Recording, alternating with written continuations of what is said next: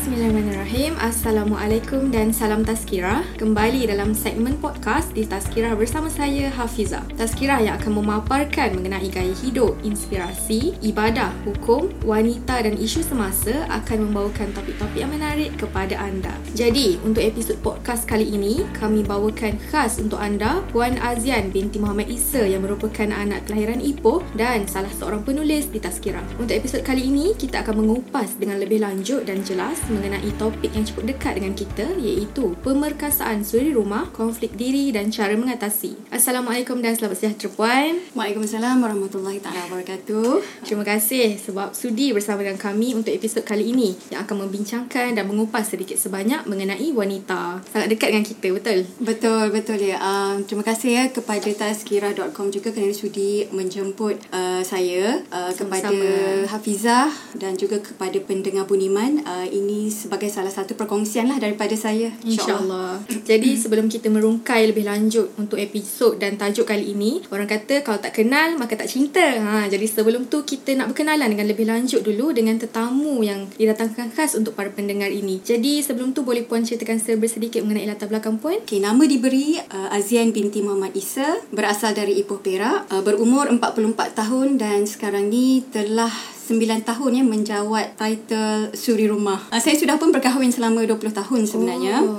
Detik-detik um, meletakkan jawatan sebagai pencarah sebelum ini di College uh, Teknologi Timur, sebuah college swasta. Ialah kerana saya bakal melahirkan anak yang kelima sebenarnya. Jadi di situ saya membuat keputusan lah untuk berhenti sebagai pencarah. Keputusan okay. cukup berat ya. Berat dan ada banyak dilema sebenarnya. Wah, tak apa nanti kita akan kupas sedikit demi sedikit ya pengalaman yang dah puan yang lalui Yeah, Jadi yeah, sebelum betul. tu uh, mm-hmm. saya perlu bahasakan sebagai Puan Yan atau Kak Yan untuk lebih dekat. Yang lebih dekat saya rasa panggil Kak Yan saja. Uh, baik. Jadi sekali lagi terima kasih Kak Yan sebab sudi untuk bersama dengan kami. Kita tahu pengalaman sebagai seorang wanita yang ada kerjaya yang sangat hebat di samping menggalas tanggungjawab sebagai isteri rumah ini mm-hmm. pasti sedikit sebanyak dapat membentuk dan mengawal emosi Puan sendiri ya. Jadi sebelum tu boleh Kak Yan ceritakan mm-hmm. serba sedikit mengenai emosi sebab kita tahu emosi ni cukup sinonim dengan fitrah wanita. Mm-hmm mm-hmm. orang akan kaitkan wanita ni makhluk yang sangat beremosi. Jadi mm-hmm. apa pandangan puan mengenai emosi dan wanita sendiri? Okey, betul lah tu Fiza kata kan uh, mm-hmm. wanita ini penuh dengan emosi. Kerana apa? Kerana secara fitrahnya wanita ini dilahirkan untuk melahirkan. Proses kelahiran memang berlaku pada wanita bukan lelaki. Dan secara biologinya juga wanita itu oleh kerana prosesnya melahirkan anak secara tak langsung proses biologi dalam dirinya, sistem reproduktifnya, uh, kitaran haid haid, proses-proses persenyawaan yang berlaku, proses penyusuan, semuanya di di dalam ruang lingkup untuk mendidik, melahirkan anak. Jadi di dalam badan wanita itu penuh dengan interaksi hormon-hormon yang berlaku. Eh, Kak Yan suka suka sentuh mengenai bab reproduktif biologi sebab memang Kak Yan punya background ialah biomedical sciences. Wow. Ya. Jadi menariknya ya, emosi dan biologi ni dia saling bergabung. Kenapa perlu emosi? Kerana perlu ada emosi untuk menjaga anak-anak yang sedang lahir kalau tak ada emosi tak ada tak ada kasih sayang tak adalah berlakunya pertukaran kasih sayang hmm. uh, mak mak takkan ada rasa empati. So betul. Kalau dari segi emosi kalau kita kata wanita itu lebih sensitif memang betul. Kerana fitrah dia juga fitrah dia untuk menjadi ibu kepada uh, anak yang dilahir. Kemudian lagi satu kenapa perlunya kita faham emosi ni? Dari sudut biologi uh, wanita itu sendiri kena mengakui uh, segala hormon-hormon yang berlaku di dalam badan mereka. Oleh kerana penting untuk mereka memahami supaya apabila terjadi sesuatu ketidakseimbangan ataupun konflik, wanita-wanita ini lebih tenang dalam menghadapi segala apa yang dihadapinya. Orang kata lebih bersyukur mm-hmm. sebab dipaham. Mm-hmm. Kadang-kadang kita uh, untuk wanita biasa satu bulan satu kali akan ada kitaran haid ya dan mm, kita tahu kita ada PMS tu ah, sendiri kan, yeah. premenstrual syndrome tu sebelum datangnya kitaran haid tu kita punya hormon-hormon kita saling dia kita kata macam roller coaster, ada mm-hmm. tinggi ada rendah banyak banyak uh, hormon-hormon yang berlaku dan secara tak langsung ia mengganggu juga kestabilan diri kita, emosi kita. So bila wanita faham, dia dia memahami lebih lebih uh, diri sendiri sebab benda ni biasa dia kata so it's natural. Tak apalah kalau aku marah pun sebab hmm itu memang aku akan lalui juga sebab dia faham. Yeah. So jadi jadi lebih tenang, lebih bersyukur dan tidak akan mempersoalkan apa-apa yang berlaku yang mungkin di luar kawalan. So saya rasa itu itu penting untuk wanita memahami yang Hmm. hmm. Jadi kalau kita tengok emosi lelaki dengan wanita ni sangat berbeza ya. Mungkin Betul. wanita ni lebih kasih sayang, Mhm. ada sifat dia yang sangat lembut. Kalau lelaki tu mereka ada kasih sayang tapi kasih sayang mereka tunjukkan tu agak berbeza betul. betul, betul. Ya, Alhamdulillah. Terusnya, Kak Yan cerita tadi Kak Yan pernah menyandang jawatan sebagai seorang pensyarah selama lima tahun dekat kolej swasta. Ya, betul. Selain tu, uh, apa lagi mungkin orang kata side income yang Kak Yan buat? Sebab Kak Yan pun salah seorang daripada penulis di Tazkirah Okay. ni. Mungkin Kak Yan ada menulis dekat lain-lain ke macam mana? Okay, alright. Uh, sebenarnya untuk sampai ke soalan yang Fizah cakap tu, side income kan. Betul. Tak semua orang mampu jadi suri rumah. Itu benar. Itu yang Kak Yan nak para pendengar luar sana faham. Kenikmatan seseorang yang berkerjaya, dia lihat kalau dia boleh menguruskan rumah tangga menjadi isteri uh, sepenuh masa ataupun ibu sepenuh masa, itu adalah satu kenikmatan itu untuk perempuan yang berkerjaya. Tetapi apabila mereka membuat keputusan untuk menjadi suri rumah, menjadi suri rumah ni pada Kak Yan ada dua sebab lah mengapa mereka ni nak jadi suri rumah. Satu, macam Kak Yan kerana sukarela kerana Kak Yan nak fokus kepada anak yang bakal dilahirkan. Yang itu anak kelima sebenarnya. Kelima baru Dah. nak ya. buat keputusan macam baru tu. keputusan. Ya. Sebenarnya dalam masa Kak Yan buat keputusan untuk berhenti tu, Kak Yan at the peak of my career actually. Saya Hmm. uh, Kak Yan uh, menjadi penyelaras, koordinator untuk pelajar-pelajar yang akan ke luar negara, pergi ke India untuk melanjutkan pelajaran. So it's at the peak dan pada Kak Yan Kak Yan rasa macam it's a big decision for me because ia akan akan ada satu kerugian pada Kak Yan untuk memanfaatkan uh, kejayaan Kak Yan sebagai pembimbing atau pembicara. Tetapi dalam masa yang sama Kak Yan perlu banyak buat pengorbanan, pengorbanan dari segi anak-anak yang semakin membesar. So itu satu ya tu yang uh, balik pada Kak Yan kata tak semua orang jadi mampu jadi suri rumah. Depends on mengapa mereka nak jadi suri rumah tu sama ada satu sukarela ataupun satu terpaksa. Mm-hmm. Kalau kita tengok yang terpaksa ni mungkin terpaksa sebab diberhentikan company-company yang tidak mampu lagi menguruskan uh, perbelanjaan untuk run the company. So dalam dalam mengenal pasti kenapa wanita yang nak jadi suri rumah ni perlu betul-betul bersedia fizikal dan spiritual dan mental lah untuk betul-betul kita kata menikmati ke career kita pula hmm. ni penukaran daripada kerjaya yang kita ada kepada suri rumah. Uh, su- apa tu orang kata suri rumah ni sukarela ke uh, Terpaksa terpaksa ke? nak tak nak memang itu tanggungjawab sebagai seorang isteri yang perlu dijalankan Betul. kadang-kadang ada yang dah kerja sepenuh masa setiap hari balik rumah kena kemas rumah Mhm, tolong betul. suami tolong anak-anak buat kerja rumah orang kata suri rumah ni bukan satu kerja yang membebankan tapi memang perlu ada dalam diri seorang isteri betul Hmm, nak, nak sebut pasal bebanan itulah uh, sebenarnya wanita ni dia terlupa. Macam Kak Yan sendiri, Kak Yan pertama kali Kak Yan uh, terpaksa, Kak Yan berkahwin pada tahun 1999. Pada masa tu umur Kak Yan baru je 24, baru je graduate daripada UK. Berkahwin pun dengan orang yang graduate yang sama di UK. Mm-hmm. Tetapi Kak Yan masa tu Kak Yan ber, uh, bekerja bekerja di sebuah syarikat marketing company untuk biological products. Mm-hmm. Memang Kak Yan punya bidang. Tapi Kak Yan terpaksa berhenti kerana uh, suami diberi tawaran untuk melanjutkan pelajaran ke luar negara. So masa tu memang terpaksa lah berhenti. Takkanlah tak nak ikutkan. so suami tu uh, suami ditawarkan uh, oleh UPM untuk menjadi pensyarah. So jadi kami terbang semula ke UK. Kali ini di Oxford. So bila dapat tawaran yang begitu, Kak Yan sebenarnya suka. Suka sangat sebab satu Oxford kan. Yang kedua, tak payah nak kerja susah-susah dulu. Tetapi kita tak tahu sebenarnya kejaya suri rumah ni, ya, walaupun di di mana-mana pun, bila kita tak bersedia dengan persediaan yang rapi, spiritual, fizikal, yang itu akan masalah. Masalah itu yang akan timbul. Emosi yang mencanak-canak tadi yang di- disebabkan oleh hormon banyak tu nanti akan akan membuatkan kita terat. Hmm. Uh, kerana apa? Kerana kurangnya persediaan. Boleh ambil masa sikit saya Yan Boleh, ceritakan boleh. macam mana uh, perasaan Kak Yan ya. Okay, the first three months ya daripada seorang wanita itu membuat keputusan untuk menjadi seorang suri rumah tangga. Kita panggil itu fasa permulaan lah. Uh, pertukaran daripada kerjaya yang best kepada suri rumah. Dalam tempoh masa satu hingga tiga bulan tu kita boleh kita boleh bahagikan bahagikan kepada dua. Sama ada fasa tu dipenuhi dengan derita ataupun fasa itu dipenuhi dengan nikmat. Nikmat ni sebab wah bestnya. Sebab bila kita kita cakap kita jadi suri rumah, automatically kita rasa best sebab kerja kat rumah lah. Tak ada punch card, tak ada apa, superior, tak ada, yalah tak ada orang kata ketua ataupun pengarah yang akan mengawal kita sebab semuanya dalam ruang lingkup kita. Keselesaan kita, kita punya nikmat kita adalah masa tu sendiri. Semua kita boleh buat sendiri. Tetapi pada Kak Yan lah yang silapnya Kak Yan ialah Kak Yan tak ada buat perancangan rapi. Patutnya boleh je buat homework kan. Okey, lepas ikut suami ni apa yang kita nak buat. Tapi Kak Yan let-let lu macam best je kan. So masa tu pun baru kahwin kan. So masih lagi dalam fasa honeymoon. So okey. Suami pun okey, best kan. Um, di alam perkahwinan yang masih lagi manis tu. Tapi Kak Yan terlupa. Sebenarnya perlu ada persediaan. Apa yang kamu nak buat Azian takkanlah nak duduk. Tak ada apa-apa. Dekat UK lain. Dekat UK rumah dia besarnya macam kau tak mancis. Jadi bila itu berlaku, satu kita baru berkahwin. Emosi nak adapt dengan rutin yang baru tu pun terkesan jugalah. Tukar title kan daripada bujang, tak ada apa-apa, dia dah ada suami. Dan lagi satu kita jauh dari keluarga. Kalau kat Malaysia boleh je telefon mak kalau rindu, kalau apa-apa berlaku ni, telefon pun mahal kan. Kena ada apa, orang kata schedule seminggu sekali baru boleh nak telefon. So di situ emosi Kak Yan ialah Kak Yan rasa macam depressed. Sebabnya uh, Kak Yan ada juga usaha untuk mencari pekerjaan. Apabila Kak Yan graduate dalam bidang biomedical sciences, uh, secara umumnya kalau di UK, pathway career yang kita boleh pergi ialah menjadi uh, medical laboratory technologist mana-mana uh, company lah. Jadi Kak Yan apply for that job di salah sebuah hospital di Oxford dan Kak Yan dapat tawaran untuk pergi ke interview. Masa tu Kak Yan rasa, wah ni kan kita boleh at least kita boleh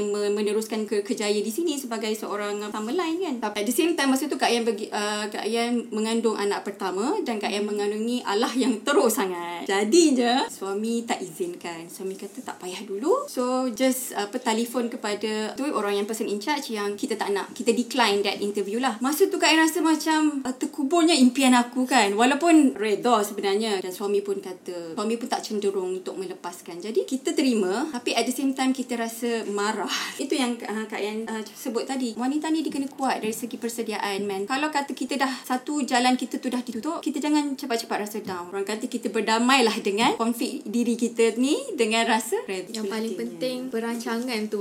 Betul. Kalau tak ada perancangan yang betul, perancangan yang rapi, kita tak tahu sama ada kerjaya kita sebagai suri rumah akan jadi kerjaya yang penuh nikmat ataupun sebaliknya. Wallahu alam. Betul tak? Betul betul Fiza. Yeah, terima kasih Kak Yan untuk perkongsian yang saya rasa salah satu konflik yang Kak Yan hadapi, hadapi selepas melalui fasa memilih untuk menjadi suri rumah. Betul. Bukan satu pilihan yang sangat senang, tapi nak tak nak kena juga untuk keluarga tersayang. Betul. Jadi kalau kita tengok konflik yang Kak Ayan hadapi itu sangat berat. Orang kata berat telinga saya mendengar, berat lagi bahu Kak Ayan yang menggalasnya. Kita sedia maklum tentang peranan dan tugas suri rumah tu sendiri. Jadi orang kata perkara inilah yang akan menyebabkan wanita ada wanita yang mengadu stres, mm-hmm. sedih, rasa tak dihargai. Mungkin mm-hmm. oh suami tak faham lah aku mm-hmm. kena buat benda ni kenapa kenapa. Sedangkan kita buat benda ni untuk keluarga. Mm-hmm. Jadi uh, ada juga yang sampai orang kata menghadapi penyakit yang kita sangat risau sekarang yeah. penyakit mental mm-hmm. seperti kemurungan mm-hmm. dan sebagainya. Macam mana kaum wanita ni boleh lakukan untuk diatasi sama ada dari segi peranan suami sendiri mm-hmm. ataupun peranan kita sendiri sebagai wanita. Okay, baik. Soalan yang bagus sebenarnya. Mm-hmm. Sebenarnya Kak Yan nak kutip ya satu orang kata manual suri rumah tangga. Kak Yan panggil itu tujuh manual suri rumah. Okey, untuk para pendengar boleh dengar dan juga salin lah. InsyaAllah. Nah, tujuh manual suri rumah ni itu untuk semua wanita kerana walaupun wanita itu bekerjaya, dia perlu juga membuat tugas-tugas suri rumah. Mm-hmm. Kenapa Kak Yan panggil manual suri rumah? Kerana tajuk asal dia sebenarnya tajuk yang Kak Yan tak suka. Sebab tajuk dia tujuh perkara mudah yang perlu dilakukan oleh suri rumah. Mm-hmm. No, no, no. It's not mudah. Bukan mudah Bukan mudah rumah. Jadi Kak Yan cuba twistkan Jadi manual. Yang ni memang Setiap wanita perlu Perlu ada. Tak kisahlah dia Dia sama ada dia kerja, kerja atau tidak eh, Tadi Okay yang pertama sekali Apa hmm. tugas uh, Suri rumah? Dia perlu membersihkan Kediaman bagi keselesaan Beribadat. Itu yang pertama. Di rumah Especially kalau uh, Suri rumah itu ada anak yang kecil Okay Kerja suri rumah ni Dia very time consuming Energy demanding Apa lagi. Kalau baby tu Baby anak kecil lagi lah Kita perlu menyusu dia 24 24 hours kena tengok hmm. dia. Itu sebenarnya ambil kita punya tenaga banyak. Jadi untuk tugas nombor satu ni membersihkan kediaman bagi keselesaan beribadat. Tak perlu fokus pun untuk vacuum semua rumah. Kata rumah tu dua tingkat. Ya Allah takkanlah hari-hari kan kita nak vacuum. Kita fokus satu je tempat ibadat kita. Yeah. Ha. Selalunya tempat ibadat terpulang pada uh, rumah masing-masing. Kalau Kak Yan ada di ruang atas. Kat situ ada rak-rak buku, ada Quran. Semua tu itu pastikan yang tu bersih. Mm-hmm. Supaya apabila balik apabila kita nak beribadat bersama-sama dengan suami dengan anak-anak benda tu. Mm. Okay. Ataupun mungkin bagi yang tak ada ruang sendiri untuk beribadat tu pastikan kita punya living room tu living Ruang room tamu tu ruang tamu penting. tu penting janganlah ada kain-kain bersidai dekat sofa kalau ada toys-toys anak-anak kalau suami nak balik cepat-cepat kita clearkan supaya bila dia masuk je tenang dan konflik pun tak berlaku betul tak Betul. Suami yang balik kerja ada banyak masalah dekat kerja. Bila dah balik rumah tu rasa tenang. Tengok muka kita lagi tenang. Ah, betul. Ah. Lupa segala masalah. Okey. Yang keduanya menyediakan makanan untuk suami dan anak-anak tanpa perlu disuruh atau Hmm. sehingga diminta. Okey, ini Kak Kak yang boleh relate sebab tu Kak Kak yang kata kalau kita tak ada persediaan rapi, kita anggap suri rumah ni kerja dia best. Let-let lu kan. Alah, siapa nak marah kan? Boleh kita baring. Kita tengok cerita sambil tengok cerita Korea ke kan. Lepas tu tengok eh dah pukul 1. Okey, macam ni. Kita mungkin fikir hmm, suami tak balik. Kita makanlah apa yang ada. Kita fikir makan yang ada. Apa yang ada sebab anak-anak pun tak sempat nak uh, apa anak-anak banyak kan nak uruskan. So kita tak sempat nak nak sediakan meal yang proper kan. Mm-hmm. Kadang-kadang kita makan Maggi. Ah, tapi yang tu yang salahnya kita. Seharusnya kita perlu me- menyediakan yang tiga meal utama tu. Sarapan. Okey, kalau pun makan tengah hari tu kita tak buat proper, kita boleh masak banyak makan tengah hari tu so that makan malam tu kita kita boleh savekan untuk makan malam. So di sini perancangan tu kena betul. Uh, suri rumah jangan sampai tiba-tiba je anak datang, "Mama, apa?" Mama dia tak kisah. Lah, ini bukan pasal kisah perut kita, tapi perut anak-anak dan suami. Dan tiba-tiba pula suami kata, ah, "Makan malam tak ada ke?" Kita tengah buat apa? Kita tengah mungkin kita tengah mandi masa tu kan. So itu kesilapan kita sebenarnya. Yang tu memang perlu perlu yang suri rumah please. You kena buat effort ni. Tak kisahlah you kena you you nak masak dulu malam-malam sediakan ke apa tapi pastikan setiap meal ni of course hmm. kena diet yang seimbang lah ada dia punya Karbohidrat. uh, karbohidrat dia dia punya Protein. sayur dia protein hmm. dia buah-buahan dia okey yang ketiga menyiapkan pakaian bersih untuk suami beribadah dalam kata lain hal pengurusan baju memang kena buat sebab hmm. tiap-tiap hari kita pakai baju bukan An- dan anak-anak yang makin membesar lagilah banyak baju dia orang dah form 5 dan form 4 Kak Yan ada anak lelaki form 4 ya Allah dia kalau balik daripada sekolah kalau dia dia ada sukan tahulah macam mana bau dia tu kan yang tu memang perlukan satu apa satu laundry bag yang berasingan yang sekarang ni sebab dia dah besar okey. Kalau dah besar okey dia punya pengurusan pun lain. Dia boleh siap-siap sendiri. Dia boleh settle sendiri. Okey mama dia just sidai baju je. Sebelum dia pergi sekolah make sure dia masukkan laun, uh, bukan kita basuh baju pun mesin yang basuh kan. Masukkan dia masukkan apa baju tu dalam um, mesin basuh. So yang ni yang ni apa hal pengurusan kain baju ya. Okey yang satu dua tiga ni berlalu masa bila bila anak-anak dah dah besar kita boleh delegate uh, kerja-kerja ni untuk anak-anak mengikut keupayaan dan juga suami sebenarnya. Ingat tugas-tugas rumah seperti membasuh mencuci memasak semua tu bukan tugas isteri seorang. Ia perlu dibagi kepada setiap ahli Setiap keluarga, ahli keluarga. tu. supaya suami tahu at least dia boleh masak nasi dia boleh at least dia boleh masak Maggi ke. Hmm. kalau kiranya isteri dia sakit isteri dia isteri dia mungkin ada emergency kat mana-mana. Anak-anak pun tidak hanya bergantung pada mak. Satu lagi kesilapan suri rumah ni dia nak jadi super mom semua dia nak buat. Padahal ada anak-anak ada suami kan boleh je delegate Sebab orang Ha. kata rumah tangga ni kita yang bina bersama. Jadi Betul. kalau boleh biar setiap dalam isi rumah tu biar semua orang berusaha untuk buat sama-sama. Betul. Kan kalau kita tengok kehidupan Rasulullah pun Rasulullah banyak bantu Siti Aisyah, Ya. Siti Khadijah buat kerja rumah, memasak. Betul. Bukan sahaja baginda sibuk berdakwah dekat luar tapi sibuk juga untuk tunjuk contoh dan teladan yang terbaik Ya. kepada umat dia. Dia ada gender bias dekat Ya. situ. Kalau perempuan, okay you buat yang ni. Lelaki buat kerja-kerja kasar. Tak begitu sebenarnya. Semua ni macam memasak, mencuci, semua kemahiran diri. Mm-mm. Nanti kalau you nak pergi luar negara seorang-seorang anak lelaki, takkan nak panggil mak kot kan? Kan. nak, gosok baju. Betul tak? Itu Betul. kesilapan lah yang yang dibuat. Okey, tadi Kak Yan satu, dua, tiga kan? Okey, okey. Ada lagi empat di sini. Yang ni semuanya untuk suri rumah itu sendiri. Wanita itu sendiri. Yang keempat, mendidik anak-anak dengan berlandaskan Al-Quran dan As-Sunnah. Okey, yang ni memang betul penting. Sebagai seorang Islam, sebagai wanita Islam, kita nak corakkan anak-anak kita dengan dengan matlamat Islam. Yang kita nak sekarang, yang kita nak minta, selalu kita doa setiap akhir solat, kita nak sama-sama masuk syurga.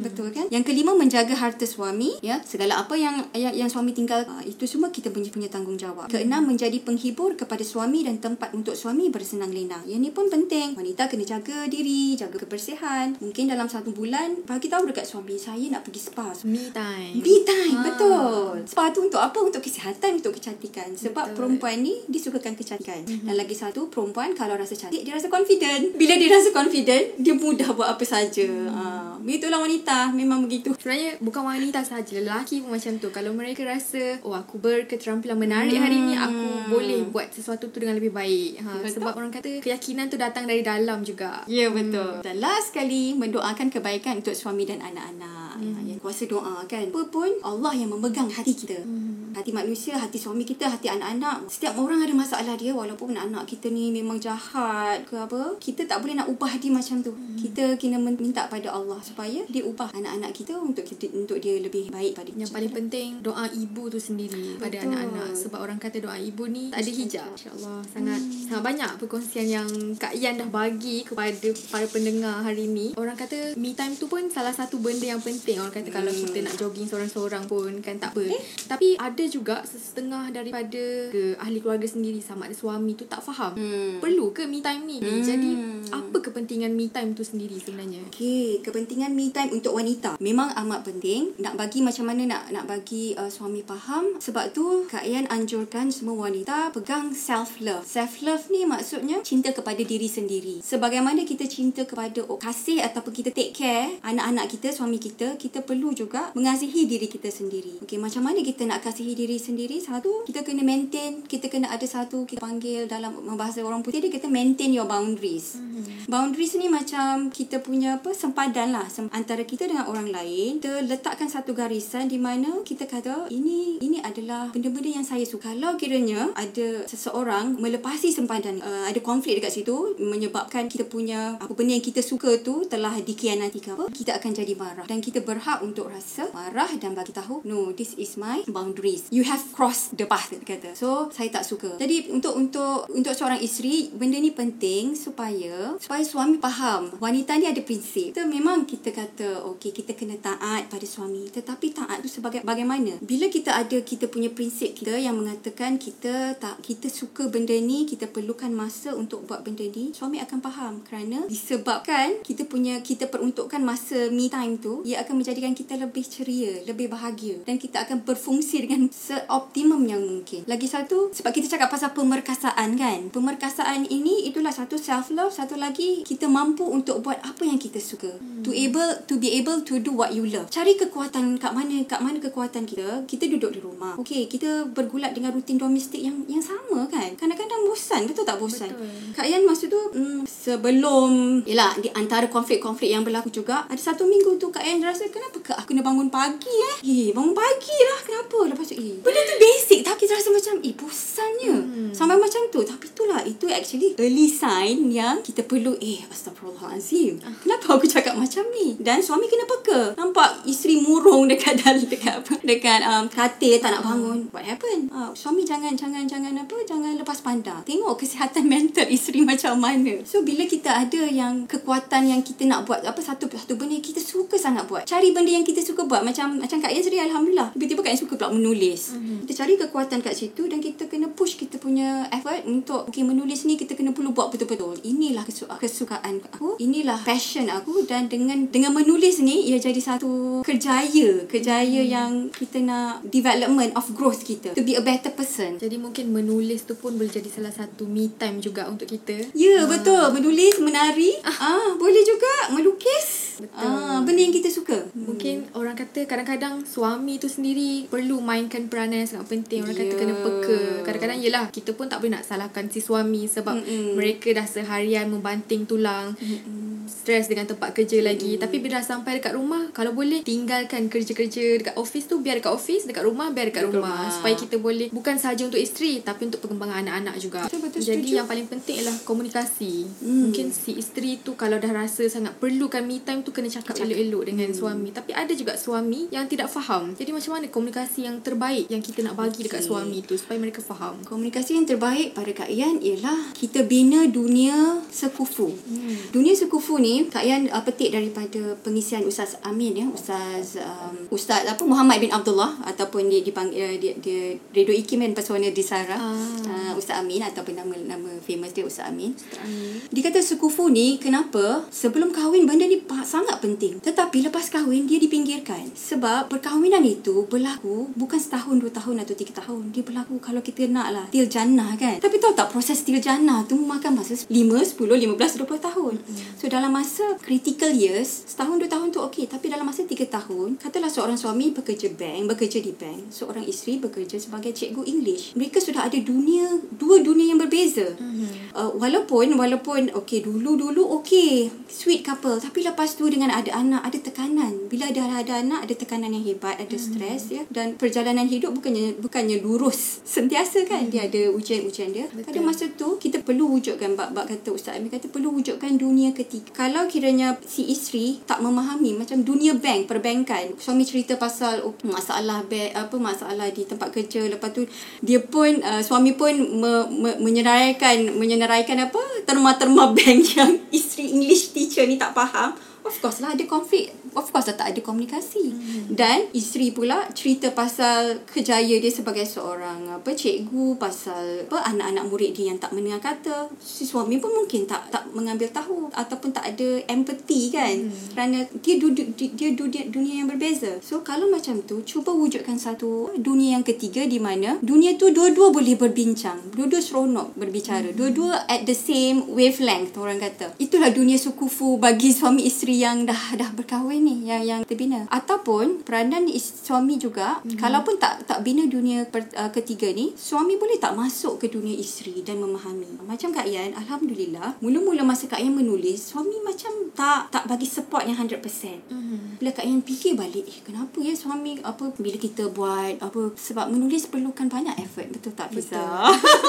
Kita perlukan banyak research mm-hmm. perlukan banyak uh, buku-buku. Dia bukannya senang bukannya kita born with kata-kata yang tiba-tiba je ting cantik kan? Dia perlu membaca proses dia rumit. Tapi suami Kak Aim perasan dia tak begitu supportive. Lepas tu Kak Aim fikir kenapa ya? Last last baru dia cakap. Dia kata awak menulis tapi uh, kerja hakiki tak siap. Kerja hakiki yang seven manual tu. Pergi balik tengok balik. Apa kecacacan tu? Astagfirullahaladzim Kak oh patutlah betul lah ya Allah. Masa tu Kak Aim terus transform 100% kemudian barulah dia nampak kejayaan Kak Aim barulah dia bagi restu. Suami ni senang. Bila dia restu pergilah kita mana-mana pun bagi green light. Macam Kak Yan datang datang seorang-seorang ke Menara Summer Suite ni tersesat sebenarnya. Tapi jumpa juga suami kata pergi. Bagus. Sebab dia percaya. Sebab uh. orang kata yang paling penting lah priority kita. Kita nak buat kerja apa pun lepas tu tapi tengok balik, tengok balik priority kerja kita.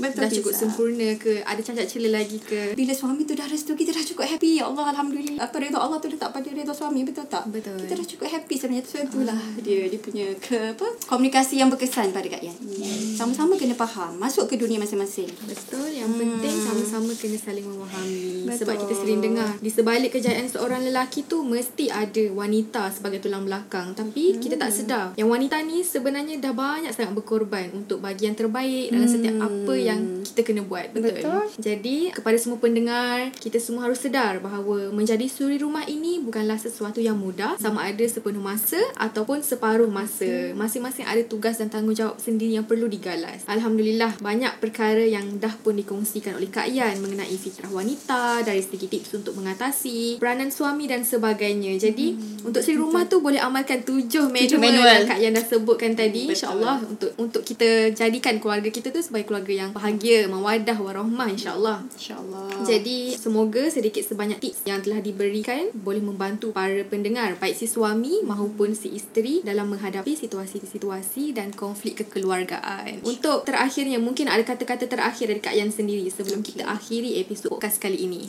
Okey terima kasih banyak-banyak Fiza. Okay. sama-sama. Begini Kak Yan Kak Yan mahu pendengar bukan bukan ambil perkongsian Kak Yan ni sebagai salah satu orang kata solution mm-hmm. kerana hidup kita masing-masing berbeza tuntutan tuntutan hidup kita punya perjalanan hidup masalah-masalah yang kita hadapi ni memang berbeza mm-hmm. cuma Kak Yan nak setiap suruh rumah kena faham kita punya apa kita punya masa tak boleh cakap orang lain punya apa kehidupan tu lagi cantik, lagi indah daripada kita. Mm-hmm. Tambah-tambah zaman media sosial ni kan, kita tengok, eh, dia ni bagusnya. Hidup aku tak bagus. Jangan, jangan rasa macam tu. Setiap orang ada dia punya tuntutan masalah dan penyelesaian-penyelesaian ujian-ujian yang diperlukan. Mm-hmm. So, tugas kita sendiri, apa yang masalah kita, kita kita selesaikan dan terus move on. Dan kita kena perlu ingat, keep moving, keep learning and growing. Kita kena perbaiki diri kita untuk menjadi orang yang lebih baik. Kak Yan, um, uh, dengan ayat 2 surah Al-Kahfi yang kita baca setiap hari Jumaat, mm-hmm. uh, um, mengenai dia, dia punya translation dia lebih kurang begini berilah perkabaran gembira kepada orang-orang beriman yang beramal soleh yang mereka akan mendapat balasan yang baik dan mereka akan kekal di sana selama-lamanya. Jadi hidup kita ni untuk suri rumah kita perjuangkan amalan soleh kita. Perjuangkan kita kata perjuangkan syurga kita. Syurga kita di rumah kita perjuangkan.